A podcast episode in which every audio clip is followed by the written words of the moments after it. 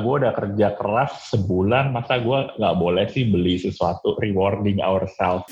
Otak kita itu lebih pinter daripada itu. Yang kita eh, nggak uh, butuhin bisa dibikin seakan-akan gue butuh ini nih. Pastiin kalau misalnya lagi pandemi gini, teman-teman yang masih bergantung sama kerjaan, yang berarti bergantung dari gaji, nggak usah nambah hutang dulu apalagi utang yang konsumtif sebisa mungkin. Karena apa? Karena mungkin teman-teman di sini ya banyak banget yang beruntung masih punya kerjaan, tapi kita nggak tahu pandemi ini kapan beresnya dan masih berapa lama.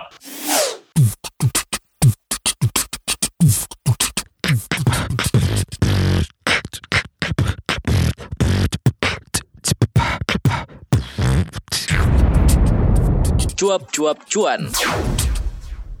Halo Sobat Cuan. Halo Sobat Cuan. Ada Alin. Dan juga ada Daniel seperti uh, biasa. Di hari Senin yang berbahagia ini ya, mm -hmm. tanggal 26 ada yang udah gajian. Waduh, Atau ada yang nunggu kalau 28 masih nunggu. Iya, alhamdulillah kalau gue masih nunggu. masih nunggu ya, masih harus bersabar lagi nih kita. Nah Sobat Cuan, tapi Sobat Cuan tidak harus bersabar untuk menunggu konten cuap-cuap cuan nih. Karena yeah. kita mau lo udah gajian ya Sobat Cuan, ataupun lo belum gajian, kita akan membahas atau memberi sedikit insight lah buat Sobat mm -hmm. Cuan ya. Karena kita sudah kedatangan narasumber yang kayaknya tepat banget kalau kita mau berkonsultasi, kita mau nanya-nanya tentang masalah kita yang sebenarnya mungkin jalan keluarnya itu ada di depan mata gitu. iya, karena sobat cuan ini ada peralihan nih kayaknya yang dulunya itu sering galau karena pasangan, sekarang sering galau mau diapain duit gajiannya gitu ya. Betul. ada siapa nih? Ada Philip Mulyana. Nah, Philip Mulyana ini adalah uh, advisor dan juga coach. Ini tentunya fokusnya lebih ke keuangan gitu ya, bagaimana cara kita mengatur keuangan dan juga bagaimana kita yang paling penting itu Alin mengatur mindsetnya. Betul. Nah, kalau gitu Philip ya. ini udah 12 tahun lah ya kurang lebih ya hmm. bergerak uh, di ini sih sebenarnya di market sih Nil. Ini sebenarnya hmm. kalau ngomongin market bisa Wah. banget. Daniel nih uh, Ko Philip kita sapa dulu deh. Philip halo. Kalau Ko Philip kita jadi asik sendiri. kita asik sendiri. Soalnya Daniel nih sebenarnya interest banget ke market kok. Tapi sayang banget ya kita di episode kali ini kita masih ngomongin buat sobat cuan dulu ya. ya boleh lah ya market dikit-dikit gitu ya. ya. Nah, boleh deh di sini sedikit ya jangan banyak-banyak. Soalnya kalau udah ngomongin boleh, market nih, Daniel nih uh, dicecer terus gitu kok. Tapi ini kita fokus dulu. Nah, okay. ini Ko Philip kan bergerak tadinya gitu ya di industri atau uh, dekatnya dengan pasar saham lah ya bisa kita bilang ya kok ya.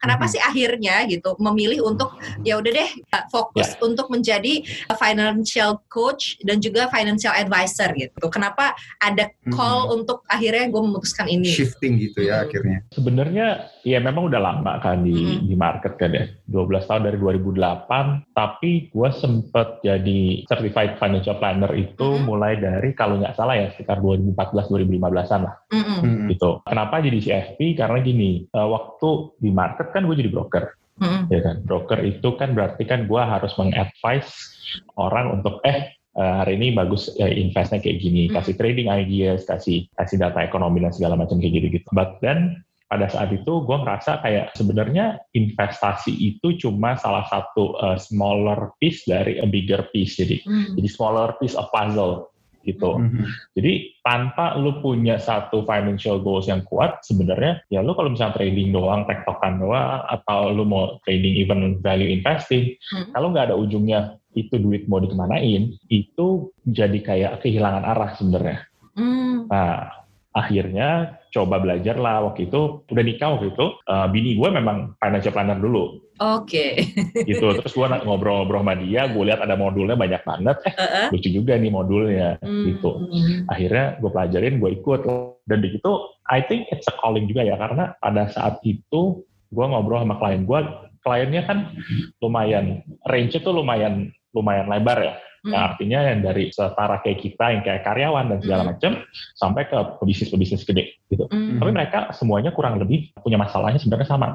Oh. Satu money managementnya juga masih kacau. Oke. Okay. Gitu. Jadi mereka cuma tahu oke okay, gue invest supaya cuan. Mm-hmm. Oke. Okay. Dan cuannya mau dikemanain, mau diputar lagi atau mau dipakai buat segala macam itu nggak ada tujuan sama sekali. Mm-hmm. Gitu. Jadi akhirnya pelan-pelan ngobrol sama klien soal kayak gini-gini gini, barulah ketahuan patternnya tuh masalahnya sebenarnya mirip-mirip. Hmm. Berarti masalahnya itu adalah itu ya tadi money managementnya itu hmm. ya. Mm-hmm. Kalau misalnya yeah. kalau dari pengalaman Ko Philip dengan berbagai macam klien itu ya, apakah bisa dibilang orang Indonesia tuh sekarang gitu ya, kebanyakan atau mayoritas itu udah cukup sadar financial planning gitu? Hmm. Atau enggak? okay, sadar dalam bentuk awareness. Uh-uh. Ya, yeah. artinya kalau awareness tuh, oh gua tahu seharusnya gua ngapain. Mm. Tapi literasi itu, uh, literasi itu lebih ke kenapa gua harus memilih satu, misalkan nih, kenapa gua harus memilih saham dibanding reksadana, misalkan gitu. Mm. Itu adalah literasi. Mm. Kalau awareness, oh gua harus nyimpan sekarang, oke, okay, tahu. Awareness itu mulai dibuild dari beberapa sekitar 2-3 tahun yang lalu kurang hmm. lebih. Tapi dari sejak gua CFP waktu itu awareness tuh masih agak-agak nggak ada sama sekali lah. Hmm. Sekarang akhir-akhir ini ada dan literasi pun udah udah mulai naik sih sebenarnya meskipun belum ideal ya. Hmm. Nah, kalau kita lihat dari kesadaran untuk mengatur, mengelola uang, kita boleh nggak nih kasih range dari 1 sampai 10, rata-rata orang Indonesia itu ada di mana? Uh, uh, ada di mana gitu? Nggak usah, kita nggak usah ngomong rata-rata orang Indonesia deh. Uh, uh. Gue ngomong gini, rata-rata manusia itu kita berpikir kita tuh bertindak segala macam logically. Mm. Artinya, oke, okay, gue tahu nih besok, eh kalau misalkan gue hari ini gajian, seharusnya gue harusnya saving. Mm. Mm-hmm. Seharusnya by logic adalah kayak gitu. Jadi jadi akan banyak sekali kata-kata yang uh, it's a common sense, mm-hmm. but it's not a common practice sebenarnya. Mm-hmm. Artinya ya kan, gitu. Kita tahu kalau misalkan begitu gajian harusnya adalah saving, terus utang itu lo nggak boleh banyak-banyak.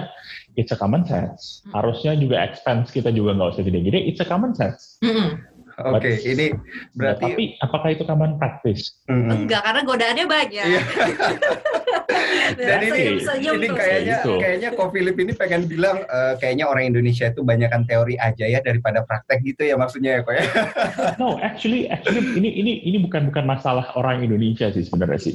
Kita uh, eh, gue lebih suka mengeneralisir ini sebagai ini masalah kita sebagai manusia. Mm. Uh, karena mm -hmm manusia itu emang di build itu kita kayak punya free will sebenarnya. Mm-hmm. sama sama macam-macam sebenarnya. Jadi kita nggak mm-hmm. pernah bisa berdiri lurus logik seperti robot. Mm-hmm. That's the problem sebenarnya. Mm-hmm. Itu. Tapi kalau Ko Philip ngelihat nih rata-rata pekerja deh kita kita kan ngomongin masalah gaji nih berarti kalau kita ngelihat hmm. yang punya gaji ini pasti yang kerja di sisi formal dan informal gitu. Nah untuk orang-orang yang udah punya gaji ini seberapa wise sih sebenarnya mereka itu sudah mulai sadar untuk mengatur keuangan gitu atau sebenarnya gimana ya masih didorong oleh free will-nya itu lebih banyak gitu? Uh, kalau kesadaran kalau misalkan kita hidup di kota-kota yang besar, mm-hmm. contoh Jakarta, misalkan Surabaya dan segala macam, kesadaran akan seharusnya mau ngapain karena kita udah uh, banyak yang terekspos di social media yang yang mengedukasi itu awareness naik memang. Mm-hmm awarenessnya harusnya dia ngelakuin apa dia harusnya tahu. Mm. Yang stopping it, yang stopping dia untuk ngelakuin sesuatu adalah pada saat yang bersamaan tanggal 26 ini nih misalkan, mm. ya, gajian nih. Mm. Terus udah gitu lu lihat konten yang bagus-bagus. Kontennya adalah eh iya biasa kan biasa kan ada tematik dong. 26, 27, 28 itu kontennya udah pasti soal gimana caranya tips untuk mengelola gaji lu. Itu udah pasti tuh sampai tanggal uh, 30. Okay. But at the same time, konten yang konsumtif juga keluar. Payday sale. Betul. Ada yang mengcounter gitu, gitu ya. gitu. Karena ya that's that's how it works kan. Iya. Mm -hmm. yeah. Nah, ya kan itu yang itu yang memutar uh, roda perekonomian kita kan sebenarnya kan. Sebenarnya iya sih. Jadi apa ini sebenarnya uh, satu kesadaran gitu, poin kesadaran ya Ko Philip yang harus dipegang oleh mereka-mereka ini yang ya, sama sobat cuan kayak gitu. ya sobat cuan seperti saya dan juga Alin nih yang live in between kan kita ada di tengah-tengah nih antara mau gue invest saja atau gue belanjain nih gitu. Oke. Okay. Satu, uh, kita harus berpikir seperti robot kalau misalkan lu nggak bisa berpikir seperti robot, lu uh, gunain eh, cara-cara yang bisa mengotomi, uh, mengotomatisasi keuangan uh, lu. Contoh, uh, gua financial planner, gua financial advisor, gua juga masih rentan sama yang namanya godaan-godaan segala macam. Itu uh, gua akuin di mana-mana di setiap event yang gua bilang, gua juga masih manusia kok. Uh, gitu. Gua juga punya kelemahan. Gua kadang-kadang boros, it's okay. Cuma masalahnya adalah kalau misalkan lu punya satu alat yang bisa membantu lu otomatis nabung, which is good gitu. Jadi uh, mulai dari tahun ini kalau nggak salah itu gue mentransfer sejumlah uang 100 ribu kalau nggak salah ke satu rekening khusus. Hmm. Rekening khusus itu gue nggak gue nggak ngitung sama sekali returnnya berapa atau segala macam itu cuma untuk dipisahin aja untuk nabung aja. Hmm. That's it. Hmm. Jadi kalau misalkan teman-teman sobat cuan misalkan gajian tanggal 26 nih. Hmm. Oke, setiap tanggal 26 gajian. Berarti coba aja di setting tuh di bank kamu. Bank kamu kan ada yang otomatis transfer tuh. Hmm. Bikin satu rekening khusus, satu rekening uh, misalkan transfernya biasanya gaji itu ke rekening A Hmm. Lo bikin nih rekening B, oke? Okay? Hmm. Nah, pada saat gajian otomatis transfer sejumlah uang ke rekening B, gitu. Hmm. Misalkan, kalau misalkan lo gajinya adalah 10 juta, lo transfer otomatis ke rekening B, misalkan 2 juta. Hmm. Tapi kalau misalkan ternyata lo nggak bisa 2 juta, it's okay sejuta dulu. Hmm. Nah, sisanya lo hidup dari sisanya aja. Jangan jangan biasain pakai kartu kredit dulu kalau misalkan money management kayak gitu aja masih kacau. Hmm. Berarti oh, gini ya, karena mungkin kalau kita misalnya tidak bisa uh, mengontrol diri dari godaan-godaan itu, kita harus bikin sistem gitu ya, COVID ya, ya. Uh, sedemikian uh -uh. rupa gitu supaya itu hmm. sistemnya itu ngebantu kita gitu, entah hmm, dengan memisahkan menabung apa, lah ya, uh, tabungan. Nah, tapi kalau di zaman sekarang ini, kok Philip kan di zaman yang penuh godaan ya, godaan belanja maksudnya ya.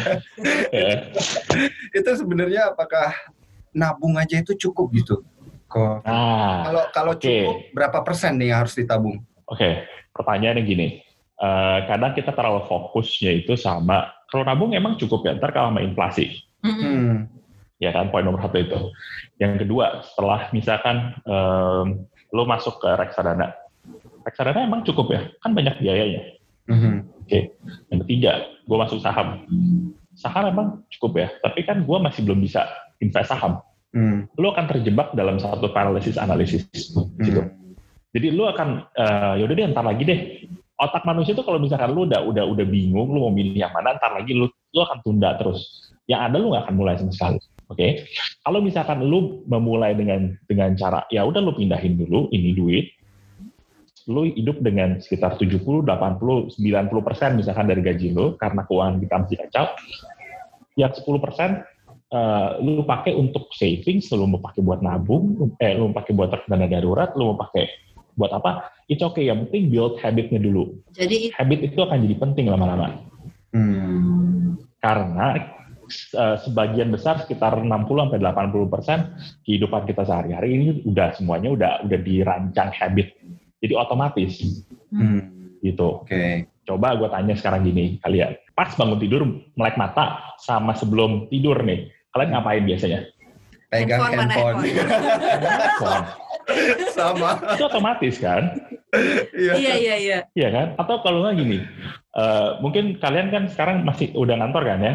Uh, kalian nyetir nih misalkan nyetir uh. terus udah gitu entah uh, sambil denger lagu atau sambil ngobrol sama pasangan atau siapa pun deh kadang-kadang kalian nyetir terus udah gitu kok tiba-tiba nyampe ya hmm gitu. Itu udah otomatis sebenarnya. Jadi kebanyakan keputusan yang kita ambil itu sebenarnya udah, udah otomatis sama sekali. Jadi itu dibangun berdasarkan habit kita. Nah kadang-kadang kalau misalkan kita sekarang gini habitnya udah jelek udah boros segala macam hmm. ya kan? Terus lu mau duit lu ini dipakai buat lebih produktif. Hmm. dengan dengan lu harus nabrak habit yang lama. Habit yang lama yang udah enak banget nih udah nongkrong sama teman-teman udah bisa belanja dan segala macam akhirnya lu akan mencari-cari alasan untuk untuk nunda-nunda. Hmm. Daripada kayak begitu ya build habit dulu aja, it's okay. Hmm. Return nggak usah terlalu dikejar, yang penting habitnya benar dulu. Oke, okay. nah butuh berapa lama ini untuk nge-build habit ini? Dan apakah kalau kita mulai bangun habit ini dari umur, misalnya umur 30 gitu, kok apakah itu udah telat? Iya, masih bisa nggak sih? gitu ya? itu Uh, gini, untuk build habit ada ada beberapa teori sebenarnya. Ada yang bilang sampai berapa? 27 or something, ada yang bilang sampai 66. Tapi intinya gini, kalau misalkan lu mau mulai sesuatu, lu mau mau mau keluar dari dari keadaan yang sekarang, itu emang butuh uh, konsisten sama komitmen. Mm-hmm. Artinya gini, komitmen itu adalah dibutuhkan pada saat, oke, okay, keuangan gue jelek nih misalkan. Setiap kali akhir bulan, setelah gajian, gaji gue cuma, ber, cuma bertahan 10 hari. Hmm. Karena harus bayar tagihan dan segala macam cicilan dan segala macam. Akhirnya selama 20 hari selanjutnya gue hidupnya ngirit banget. Oke. Okay. Hmm. Nah, lu harus sadar kalau misalnya kayak gitu dan lu komit lu mau lu mau berubah. contoh oke okay, mulai besok uh, begitu cicilan gue yang ini beres gue nggak mau nyicil lagi hmm. oke okay? itu adalah komitmen ngambil langkah pertama tapi setelah itu yang lebih susah adalah konsisten konsisten itu susah karena every single day lu akan ditantang sama habit lu yang lama. itu yang akan lebih susah. But setelah lu bikin habit yang baru, misalkan nih, kalau misalkan si gue baca kemarin siapa ya? Oh Robin Sharma. Robin Sharma itu ada 66 hari habit installation protocol. Hmm. Yang seperti kata gue bilang ya, ini ada beberapa ada beberapa teori, cuma intinya adalah gini. Setelah uh, lu uh, lu menginstal habit yang baru, setelah punya habit yang baru yang lebih produktif, itu akan jadi otomatis. Which is akan lebih mudah buat lu ngelakuin selanjutnya. Lebih mudah untuk uh, ngelakuin dibanding nggak ngelakuin. Oh. Sama kayak gini, kalau misalkan habit gua jeleknya misalkan, uh, habit yang jelek apa ya? Misalkan kalau habit habit gua jelek, misalkan ngerokok, oke? Okay? habit gue jelek rokok berarti kan lebih mudah buat gue sehari-hari lebih mudah ngerokok dibanding nggak ngerokok dong yeah. ya kan tapi setelah lu uh, lu berkomitmen dan konsisten lu ngurangin ngurangin ngurangin ngurangin ntar lama-lama setelah habit lu adalah udah biasa nggak ngerokok lu akan lebih gampang ke depannya nggak ngerokok dibanding lu ngerokok mm. gitu nah setelah itu lu baru bisa bikin habit yang baru habit baru lagi mm. tapi itu harus dilakuin secara sadar jangan ditunda-tunda gitu ditunda, maksudnya. Uh, iya. Uh, uh. Jadi ambil aja lo hanging fruit dulu. Hmm. Kalau misalkan lo mikir nih sekarang, oke, okay, ideally secara teori itu adalah 30% dari gaji lo harus diinvestasiin. Hmm. Oke. Okay. Pemikiran kita adalah gini, aduh 30 persen, berarti kalau misalkan gaji gue 10 juta, 3 juta itu harus investasiin. Mm. Gila bos, jangan kan 3 juta. Satu juta aja sekarang udah susah. Mm. Gitu. Itu ya akan, akhirnya akan ya udah geser dulu deh ntar ntar lagi deh habis cicilan gue beres ya ntar gitu nah tapi karena entar entar entar itu akhirnya lu nggak akan pernah mulai makanya lo hanging fruit dulu aja pada saat kalian gini paling gampang pada saat kalian dengerin podcast ini berapa angka gaji kalian? Berapa persentase atau nominal gaji kalian yang bisa di spare untuk ditabung? Ditabung aja dulu deh. Nggak usah diinvestasi ditabung. Mm-hmm. yang nggak usah di nggak usah di nggak usah dibongkar-bongkar selama satu bulan atau dua bulan depan.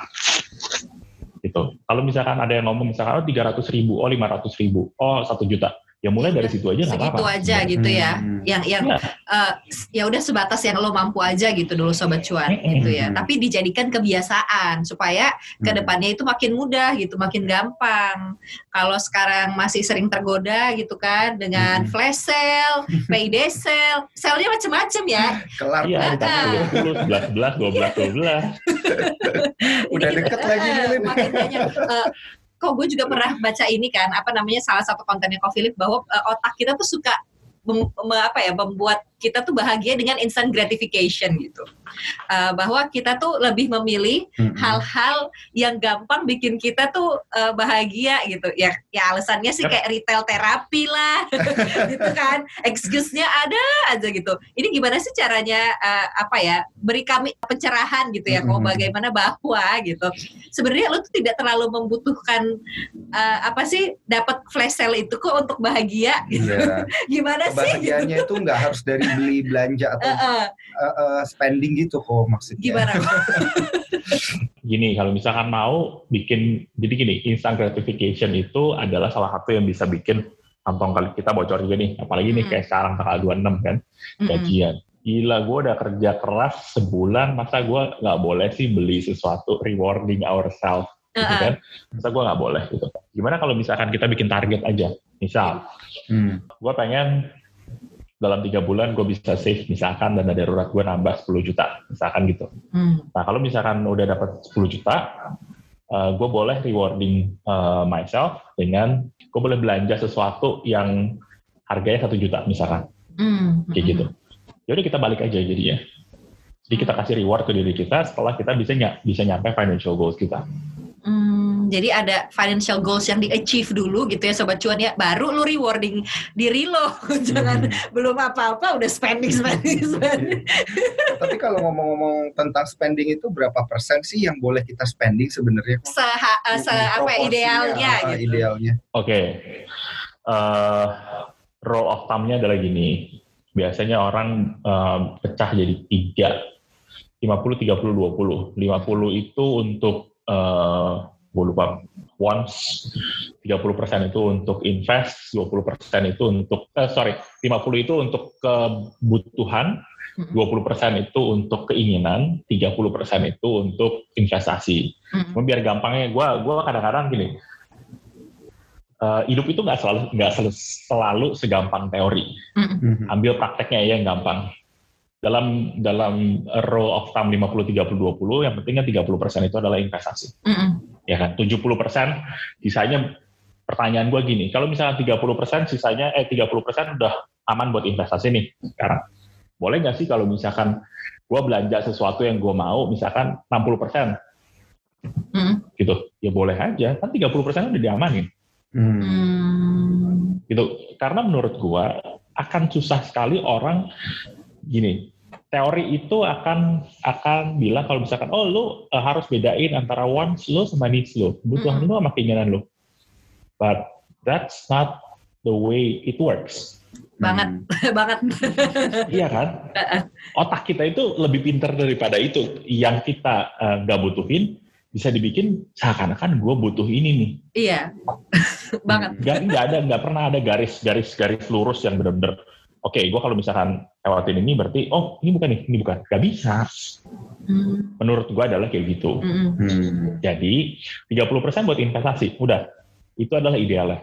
Kalau misalkan lu bisa 40%, 50%, which is better. Hmm 70% sisanya ya mau lu abisin buat needs, mau wants, terserah. Terserah hmm. gitu ya. Oh ini lebih ini nih, lebih melegakan hmm. nih. Yang penting gini Sobat Cuan, jadi kewajiban lo tuh ya yang 30% udah lo amanin dulu, setelah terserah setelah itu terserah gitu. 70% ya. Tapi ya. mungkin mungkin masalahnya itu karena karena uh, kebanyakan cuap-cuap cuan ini sobat cuan banyak kan yang masih kalau misalkan kamu masih umur 22 mungkin 23 24 25 yang masih belum ada tanggungan mm -hmm. 30% untuk investasi itu adalah angka yang kecil sebenarnya.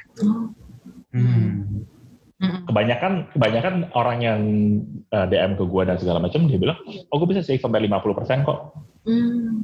Oh, gue bisa save sampai 40% kok, 30% uh, masih oke okay lah karena mereka udah mulai aware dan karena di, mereka udah mulai belajar gitu. Hmm. Tapi mungkin harus diingetin juga karena gini, oke, okay, it's good kalau misalkan kamu sekarang udah bisa di level 50% buat di save, invest, dan segala macam. Tapi kamu harus ingat kalau misalkan kita juga ada namanya inflasi kehidupan, which is mm-hmm. kehidupan gue yang sekarang dan kehidupan gue 10 tahun yang lalu beda. Mm-hmm. 10 tahun yang lalu gue masih single, kehidupan sekarang gue udah punya anak, punya istri. Mm-hmm. Kehidupan gue 10 tahun yang akan datang, itu beda lagi gitu jadi untuk teman-teman di sini mungkin yang masih single dan segala macam mumpung kalian masih bisa invest banyak-banyaknya invest banyak-banyaknya hmm. karena inflasi bakal inflasi kehidupan akan catch up sebenarnya. Oh oke. Okay. Hmm, itu iya sih kan tapi rata-rata kan gini ya mikirnya hmm. ah mumpung gue nggak punya tanggungan gue senang-senang aja dulu lah. Benar. Benar kayak gitu. Iya gak sih? Udah tua abis. Ya, udah berkeluarga bingung. Gitu. Nah bahkan nih uh, beberapa temen gue ya, uh, Ko Philip ya, Daniel ya, dulu waktu gaji pertama ya beberapa tahun yang lalu lah. Waktu masih merasakan gaji pertama gitu. Itu tuh ada kayak apa sih ya bisa dibilang nasehat. Yang kayaknya setelah gue pikir-pikir kayak ini nasehatnya jelek banget gitu. Bahwa kalau gaji pertama gitu ya uh. itu lu abisin aja semua buat traktir diri lo, buat kasih orang tua lo, buat traktir temen-temen lo. Gitu. itu bo boleh gak sih kita kayak gitu?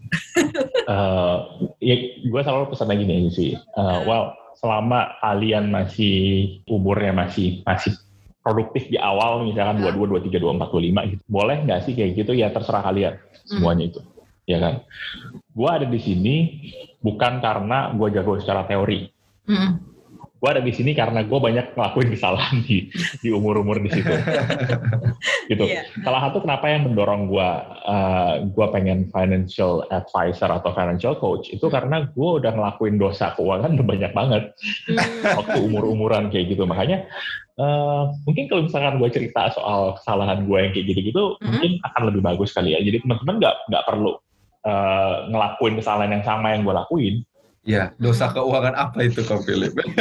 Gini, contoh. waktu pertama kali gue kerja itu, gue kerja kan awalnya itu IT. Hmm. IT dua tahun, terus gue baru masuk ke, ke pasar modal kan. Waktu gue kerja pertama IT itu, uh, gaji gue pertama 2 juta. Mm-hmm. Uh, terus udah gitu lembur-lembur segala macam 3 juta. Pada saat itu gue pikir, uh, wah gila kalau misalkan gaji gue bisa sampai 5 juta aja, mm. enak banget ya. Gitu, mm-hmm. gue bisa bisa beli ini, bisa beli ini segala macam. Lalu uh, gue move ke kerjaan yang kedua, akhirnya gaji gue benar 5 juta. Mm-hmm. Tapi keadaannya nggak berubah, which is tabungannya sih gitu-gitu aja. Mm. Mm-hmm gitu. Nah terus begitu, gue denger nih satu, eh teman gue sekarang udah masuk pasar modal. Hmm. Begitu teman gue udah jadi broker duluan. Uh, dan begitu kehidupannya lumayan berubah hmm. dalam arti financial ya pastinya ya. Hmm. Uh, financial insentifnya kan dapatnya lumayan gede dari IT ke sana ya makanya gue emang gue emang pindah ke sana kan. Uh, setelah setahun, dua tahun, tiga tahun, gue punya barang-barang yang aneh-aneh Maksudnya hmm. tuh yang barang-barang yang tadi gue nggak bisa beli, gue bisa beli jadinya. Hmm. Tapi tabungan gue dan segala macam nggak berubah dari dari gue awal kerja sampai sampai pada saat itu. Segitu segitu aja mikir, gitu ya. Iya, ada sesuatu yang salah ya sama gue ya. Padahal gaji gue segini loh. Hmm. Gitu. Nah, itu itu adalah termasuk dosa-dosa gue waktu zaman dulu sih. Hmm. Jadi kayak misalnya cicilan tuh nggak nggak kerasa kan sekarang gini, lu punya gaji misalkan 10 juta, lu mau beli handphone seharga 12 juta, mahal dong. Gaji lu kan 10 juta, handphonenya 12 juta lebih mahal daripada gaji. Tapi udah gitu ternyata bisa cicil nih, cicil hmm. selama 12 bulan, min 1 juta. 0 persen. min 1 juta dong berarti kan. Terus lu bandingin dong, 1 juta dibanding sama 10 juta, ya oke okay dong, gue masih bisa bayar dong. Uh -uh. Karena affordable, affordable, ya kan. Nah, akhirnya lu cicil itu itu handphone satu juta sebulan and then begitu cicilannya udah mulai masuk ke cicilan ke 9, cicilan ke 10, 11, 12 lu udah bisa mikir kalau misalkan oh cicilan gue bentar lagi beres nih mm -hmm. cicilan itu akan bikin lu habit untuk konsumtif pada saat udah akhir-akhir cicilan eh, eh cicilan gue udah terakhir di bulan ini berarti gue udah bisa beli lagi dong beli sesuatu lagi not necessarily handphone tapi gue berarti punya satu juta spare untuk konsumtif. Mm -hmm. Itu yang akan sebenarnya akan slowing our growth tuh di situ mm. cicilan. Mm. Jadi lu akan punya habit untuk nyicil sebenarnya. Masalahnya cicilannya bukan cuma satu, cicilan pasti banyak. Kalau biasanya nyicil di bulan ketiga bulan keempat, eh ini gue nyicil lima ratus ribu. Kita akan bandingin nih, oh gue cicilan sejuta, lima ratus ribu, oh lebih murah, apa-apa terus muncul lagi cicilan 300 ribu, muncul lagi cicilan 200 ribu. Ya, akhirnya lu jadi endless cicilan. Oh, karena gini ya, kayaknya ini uh, si cicilan ini trick ourselves untuk ngerasa ringan kok gitu ya, gampang kok. Tapi ini malah menjadi habit hmm, gitu. Jadi iya. ini building habit kita ya kok ya. Ini seperti yang kok Philip bilang tadi hmm. gitu. Nah, tapi ada ya. sih kalau kita ngomongin tentang cicilan itu apa sih sebenarnya barang yang bagus dicicil, apa yang sebaiknya nggak usah kita cicil, nah. terutama kalau kita berbicara tentang kartu kredit gitu kok. Kalau misalkan kita ngomong soal cicilan kartu kredit, apa sih nah. cicilan itu? Kalau misalkan kamu harus nyicil, kamu harus cicil barang yang produktif. Contoh yang produktif kayak gimana? Misal gua adalah seorang fotografer, gue butuh kamera yang lebih bagus atau lensa yang lebih bagus untuk supporting my business atau supporting gue freelancing suka foto misalkan fotografer. Untuk uh, bisnis gue gue butuh lensa yang lebih bagus nih. Nah, lensa makro lah mikro segala macam kayak gitu gitu oke? Okay? nah itu kan berarti lo nyicil satu barang yang bisa menghasilkan duit buat lo mm-hmm. ya udah nggak apa-apa selama lo aware nih lo bisa batasin kalau misalnya Rolex uh, eh, gue nyicil misalkan lensa seharga 13 juta Mm-hmm. Oke, okay, tapi sekali gue dapet job, uh, itu bisa bisa nambah value gue sampai seberapanya. Mm-hmm. Gitu. Gue beli lighting misalkan, gue beli lighting atau enggak gini, uh, nakes secara cicilan. Kadang-kadang kalau misalkan uh, desain grafis, desain grafis butuh uh, apps buat kerja. Mm. Uh, atau videographer, videographer butuh Adobe Premiere Pro misalkan, begitu buat kan kadang-kadang ada yang lu harus subscription, ada yang harus beli sekali, gitu. Mm -hmm. Subscription juga sama aja kan, kayak nyicil kan sebenarnya. Mm -hmm. Tapi ini supporting gue punya kerjaan nih, ya itu nggak apa-apa. Hmm. Gitu. Jadi kalau misalnya cicilan itu bisa mendatangkan cuan ya sobat cuan ya, hmm, ya cicil deh nggak apa-apa gitu. Tapi kalau yeah, misalnya yeah, cicilan yeah. itu hanya membuat lo dilihat wah handphonenya handphone terbaru nih. Nggak gitu. jadi apa-apa juga. Nggak jadi ya. apa-apa selain kebanggaan ya. Hmm. Kayaknya itu dipikirin untuk tidak dicicil ya sobat cuan ya. Yeah, Nabung aja. Mungkin bukan apa namanya kebutuhan tapi cuma keinginan, keinginan semata, aja. Gitu ya. Nah, kok Philip ini kan udah uh, berkecimpung di dunia keuangan dan juga sudah menjadi financial eh, planner dalam waktu yang cukup panjang dan jam terbangnya sangat tinggi. Hmm. Pernah nggak nih ada klien-klien dari Philip gitu yang ada ceritanya punya kesuksesan gitu. Jadi uh, setelah dia punya masalah, kemudian dia diskusi dengan Philip, ada solusi, kemudian eh kehidupan finansialnya berbalik arah gitu, Philip. Uh, it's a process ya. Yeah. Uh, kadang gini, uh, yang kita ukur itu adalah milestone ya. Artinya awalnya itu misalkan uh, dia mau beresin utang, mm-hmm. gitu. Ada yang beres utangnya ada sampai beres utangnya. Uh, kalau enggak dia mau mau nentuin, eh gue mau investasi ini untuk nyampe financial goals apa, ada. Cuma itu adalah proses. Artinya, misalkan lu udah beres utang, udah beres nih, mm. ya kan? And then what's next? Mm. Akan lebih bagus kalau misalkan lu tahu utang ini yang bagus buat lo yang mana dan yang gak bagus buat lo yang mana. Jadi bukan cuma lo untuk selama dalam pantauan gue oke okay, utangnya udah beres nih, udah udah nggak ada dalam pantauan gue, utang lagi sama aja bohong dong, hmm. ya kan? Ya gitu. Jadi menurut gue kadang-kadang makanya perlunya edukasi itu ya gue mengajarkan untuk supaya mereka bisa ngelakuin ini sendiri sebenarnya. Okay. It's not gue adalah gini, uh, eh, gue adalah seseorang yang gue kasih lihat ini kan lu tahu sebenarnya lu nggak boleh ngelakuin ini kan, hmm. ya kan. Seudah ini, seudah dari dari dari kita beresin nih selama berapa bulan, oke? Okay? Nah setelah dari berapa bulan ini yang penting adalah lu nggak ngelakuin yang pertama lagi. Gimana caranya? itu gitu. Gitu karena sebenarnya semua orang bukan semua orang kebanyakan itu mereka udah tahu jawabannya kayak gimana. Hmm. Unless mereka milih, eh kok gue pengen dibikinin financial goals dong buat segini, gue harus save berapa segala macam. Itu karena mereka nggak bisa ngitungnya, ya kan? Tapi kan, tapi kalau misalnya mereka uh, kelilit utang, cash flow problem dan segala macam, mereka udah tahu sebenarnya cash flow problem itu gara-gara apa kan? Mm-hmm. It's a state obvious doang. Oke. okay, gitu. Jadi dengan mengatur keuangan gitu ya, maksudnya kita butuh juga gitu masukan-masukan dari orang lain ya. Kadang hmm. kan ada orang yang mengatur Memu sendiri, uh, uh, uh, tahan sama sendiri, godaan gitu. Berarti godaan butuh orang lain bisa. untuk menguatkan gitu ya. Hmm. Nah, tapi Ko Philip kan gini ya, ini kan banyak mungkin sobat cuan yang uh, masih kuliah gitu ya atau sobat cuan yang baru awal-awal kerja gitu kan banyak dapat tip tips financial tuh di mana-mana lah di Instagram hmm. ada hmm. gitu ya terus di website gitu juga banyak gitu di podcast apalagi gitu tapi gini nih mungkin sobat cuan ada yang berandai-andai atau mikir kayaknya gue pengen deh punya financial planner gitu kan biaya atau gini deh, gue gaji berapa sih gitu supaya gue bisa hire seorang financial planner gitu. Iya. Biar uh, se affordable apa sih gitu kalau private financial planner ya, gitu. Tergantung dari case-nya sih sebenarnya. Uh, Cuma okay, okay. menurut gue gini, kalau misalkan kalian sebenarnya sekarang masih baru mulai fresh grad atau baru mulai kerja dan segala macam, gak butuh terlalu expert expert financial planner, lu bisa benerin sendiri kok Hmm. Lu bisa lihat, lu bisa browsing dari konten-konten di internet yang gratis dan lu bisa belajar sendiri. Hmm. Gitu. Itu itu itu nggak usah gini, nggak usah terlalu uh, itu basic banget. Lu bisa dapat dari mana aja beneran. Uh, nggak perlu harus sewa financial planner kecuali kalau misalkan ternyata masalahnya itu adalah masalah yang berat.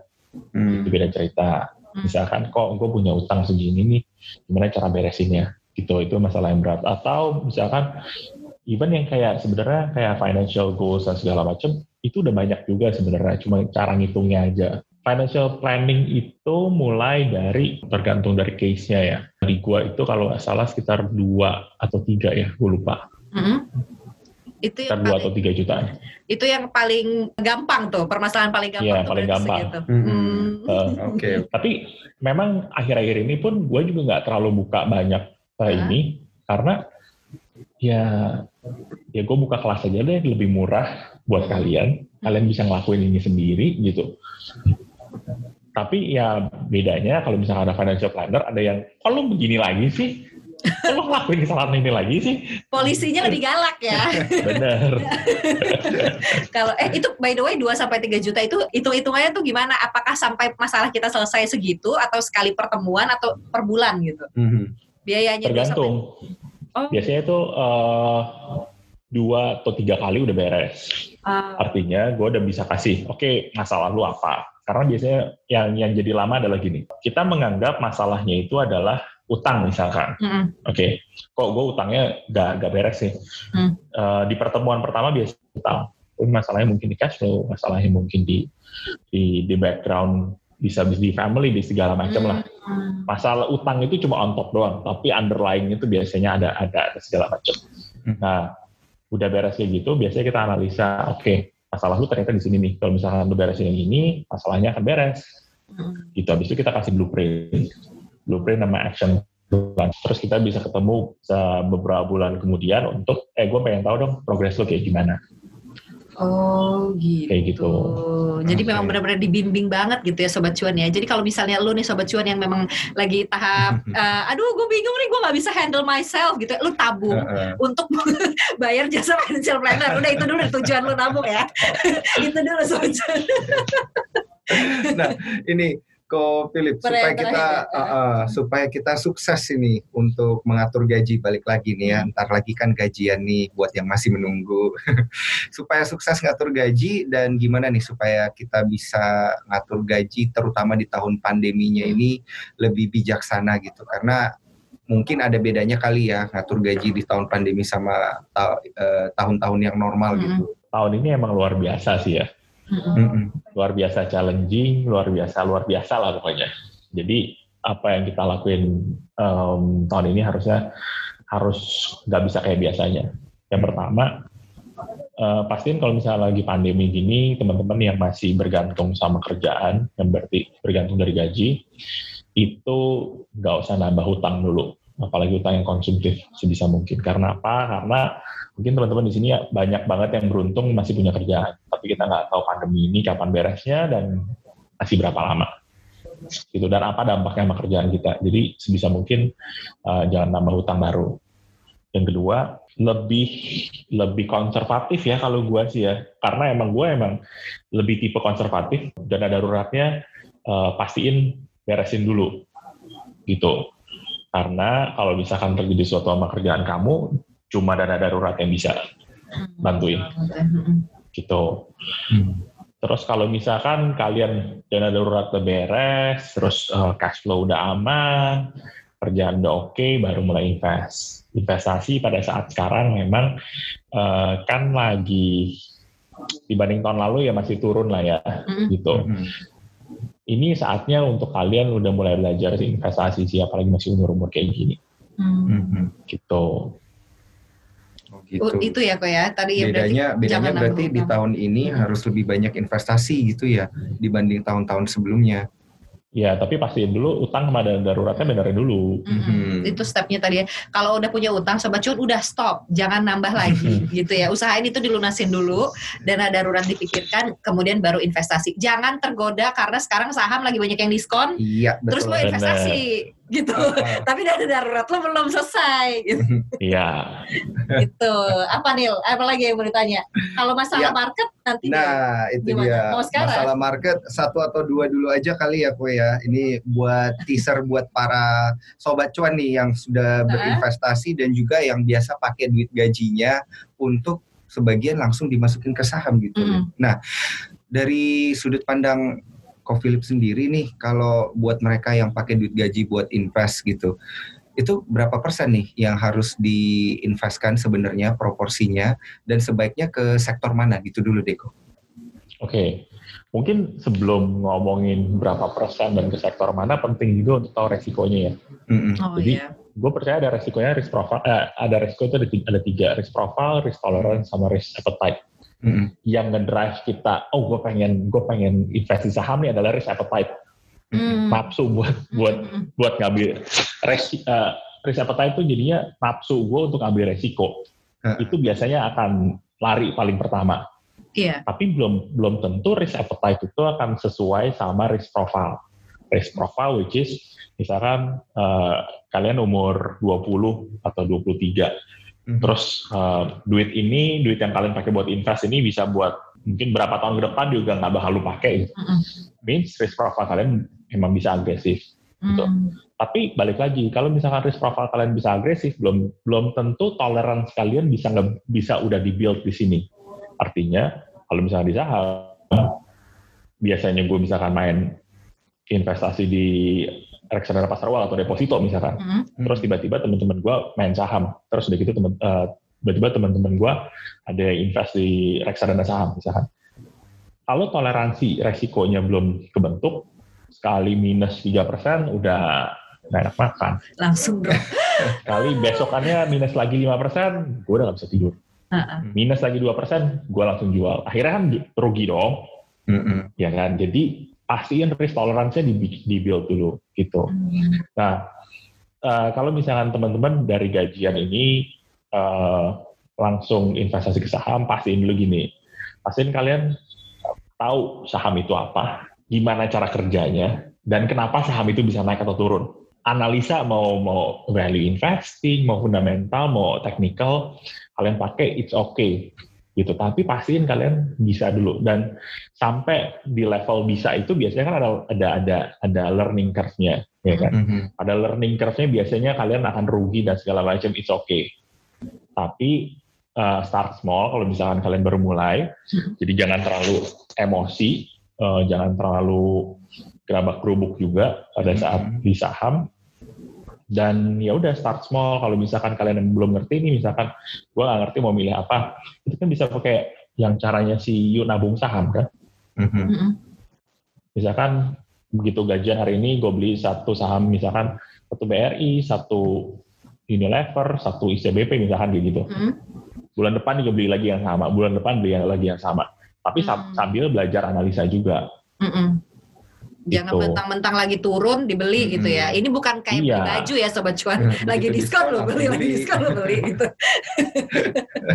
gitu kali ya kalau uh, nanti kalau Daniel nih bisa nanya yang lebih-lebih nih, Ko Philip. Tapi itu aja dulu sobat cuan karena kita nanti akan bahas lagi kalau misalnya masalah tema saham kita bahas uh. di episode lain gitu ya. Siap. Bisa dengan Ko Philip gitu atau kita bisa dengan yang lain. Nanti sobat cuan boleh aja DM ke Instagram @cuap underscore cuan. Nah, Ko Philip kalau misalnya sobat cuan ada yang mau nanya-nanya lebih ke yeah. Ko Philip gitu ya, itu boleh nah. ke mana sih? Bisa ke mana sih? Ke itu aja Instagram aja DM. Oh gitu ya ke, ke at Philip Mulyana gitu at ya. Philip ya? Mulyana. Mm -hmm. uh -uh. Dan ada websitenya juga gitu Sobat Cuan ya dengan nama yang sama. Kalau misalnya mau uh, ada budget gitu ya boleh ke sana. Terserah Sobat Cuan aja gitu.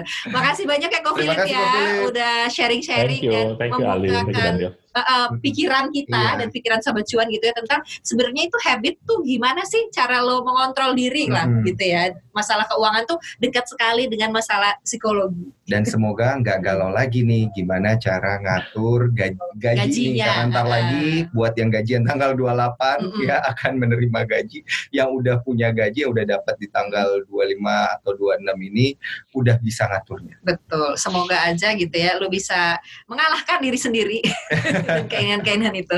Ya udah gitu aja sobat cuan, Ko Philip sampai ketemu lagi ya lain waktu boleh ya kalau misalnya kita mau curhat-curhat. Boleh. Lagi. Okay. Dadah sobat cuan. Bye sobat cuan. Bye, thank you semuanya.